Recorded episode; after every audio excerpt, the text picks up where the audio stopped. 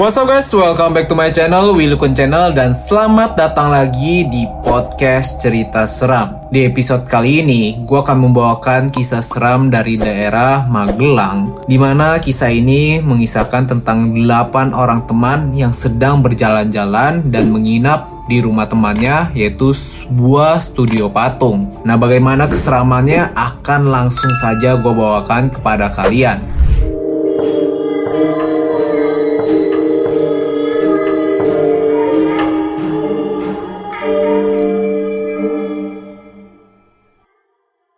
Saya adalah orang yang juga tidak peka akan hal-hal mistis yang ada di sekitar saya. Meskipun saya percaya bahwa alam gaib itu ada, namun selama kita tidak mengganggu ketenangan mereka, saya rasa tidak masalah. Izinkan saya untuk bercerita kali ini. Suatu sore di bulan Mei, saya dan teman saya berdelapan berkesempatan untuk menginap di rumah teman saya di daerah Magelang, Jawa Tengah. Pemandangannya indah. Dari rumah teman saya, kami dapat melihat pemandangan matahari terbit di antara dua gunung, yaitu Gunung Merapi dan Gunung Merbabu.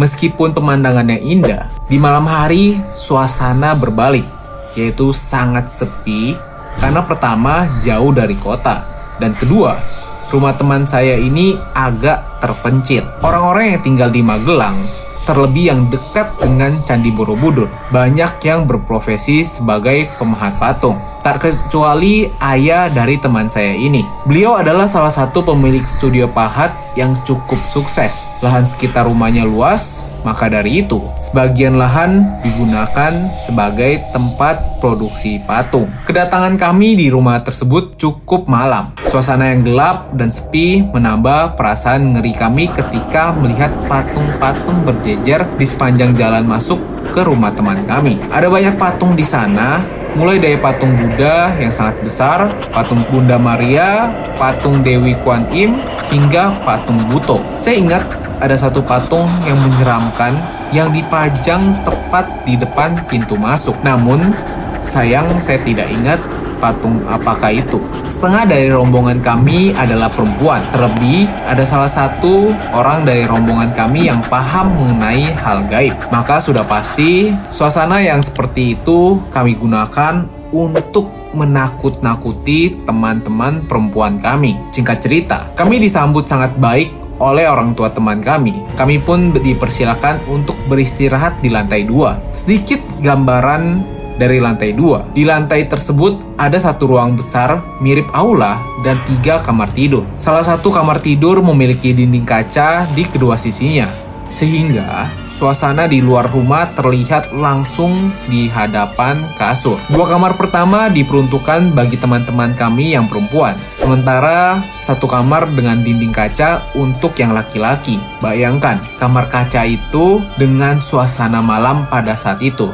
Sepi dan gelap. Di depan kamar, ada pohon durian dan rambutan yang dedaunannya hampir masuk ke kamar. Dengan suasana seperti itu, tentu tidak ada yang mau tidur di dalam kamar kaca tersebut. Karena saya tidak pernah memiliki pengalaman gaib, saya tidak ragu untuk akhirnya tidur sendirian di kamar tersebut. Teman yang lain lebih memilih tidur di aula besar. Oh iya, ada dua hal yang belum saya sebutkan tentang kamar kaca tersebut. Pertama, jalan masuk kamar tersebut ada di bagian kaca, melalui teras dan tidak ada pintu penutup. Kedua, kamar tersebut adalah satu-satunya kamar yang ada toiletnya di lantai dua. Namun, lagi-lagi toilet di kamar tersebut tidak ada pintu penutupnya. Saat itu, saya sudah berbaring di kasur, sudah selimutan dan lampu sudah saya matikan. Saat mencoba untuk memejamkan mata, saya dikagetkan dengan suara flash di toilet kamar tersebut. Saya tidak melihat ada orang masuk ke kamar tersebut sejak tadi loh. Karena iseng,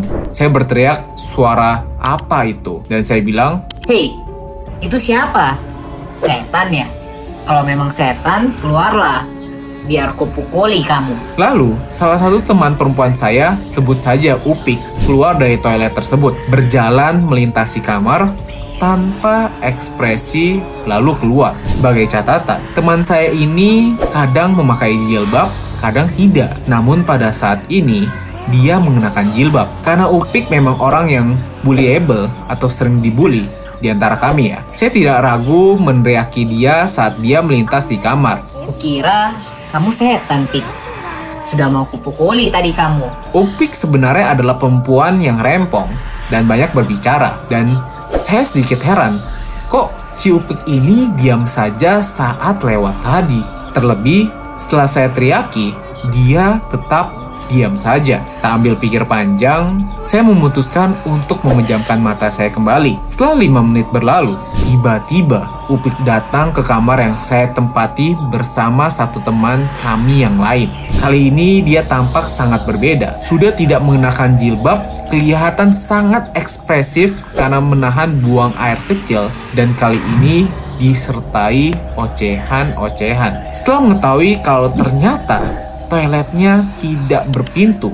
Dia kembali mengoceh dan akhirnya turun ke lantai satu untuk mencari toilet lain. Saya pun tidak ambil pikir dan kembali tidur. Pagi-pagi, kami pamit untuk pulang. Kami menyempatkan diri untuk mampir di sebuah warung soto. Nah, di situlah saya ingat kejadian malam hari sebelumnya. Kejadian tentang teman kami Upik yang dua kali ke toilet kamar yang pastinya toilet kamar yang kaca tadi ya guys ya. Saya pun menanyakan mengapa dia harus ke toilet lagi padahal 5 menit sebelumnya dia sudah ke toilet yang sama. Dia pun kebingungan, teman saya yang lain juga kebingungan. Terlebih yang satu kamar dengan Upik. Singkat cerita, dari pengakuan Upik dan teman-teman yang lain, ternyata Upik sudah melepaskan jilbabnya sejak sampai di kamar yang dia tempati. Selain itu, dia juga mengaku bahwa dia hanya sekali ke kamar yang saya tempati. Loh, lalu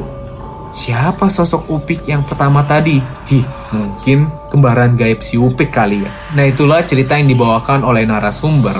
Cerita ini mengingatkan gue dengan sosok double ganger ya guys ya atau sosok kembaran gaib lah bisa dibilang. Memang kembaran gaib ini banyak banget kejadian di dunia ini ya guys ya. Ada juga yang bilang kalau kembaran gaib itu bisa muncul ketika kita memanggilnya, apalagi pas kecil guys. Kalau anak kecil sering bermain dan dia mengatakan dia sedang bermain dengan seorang anak, biasanya sih dia bermain dengan kembaran gaib. Dan salah satunya bagaimana bisa memanggil kembaran gaib ya, adalah keinginan untuk bermain dengan kembaran gaib tersebut. Tapi entah mengapa, ada juga yang mengatakan kalau double ganger itu adalah sosok hantu yang ingin memperlihatkan dirinya atau sedang mengganggu. Jadi sosok jin kan bisa berubah menjadi wujud yang dia inginkan. Nah, ada yang percaya juga sosok double ganger itu adalah sosok jin yang ingin mengganggu manusia yang sedang berada di tempatnya, khususnya orang yang tidak beriman tinggi. Itu yang gue tahu tentang double ganger ya guys ya. Tapi gimana sih menurut kalian kisah yang satu ini? Memang kisahnya super simple banget, kejadiannya juga kayak flash gitu, cepet berlalu ya guys ya. Tapi ada gak sih kalian yang punya pengalaman seperti ini, melihat sosok double ganger, atau kalian juga uh, merasa kalian ada double gangernya? Kalau kalian mau share cerita pengalaman mistis kalian, bisa banget kalian share di podcast cerita seram bersama gue Willy Kun guys. Caranya gampang banget, kalian langsung aja DM di Instagram gue di Willy Kun. Nah itu dia kisah hari ini guys. Jangan lupa inilah saatnya kalian untuk support channel ini dengan cara klik tombol subscribe-nya dan share juga podcast cerita seram ini. So, gua Willy Kun mau mohon izin dulu untuk mengakhiri podcast kali ini guys. See you guys in the next video. Willy Kun sign out. Salam horor guys.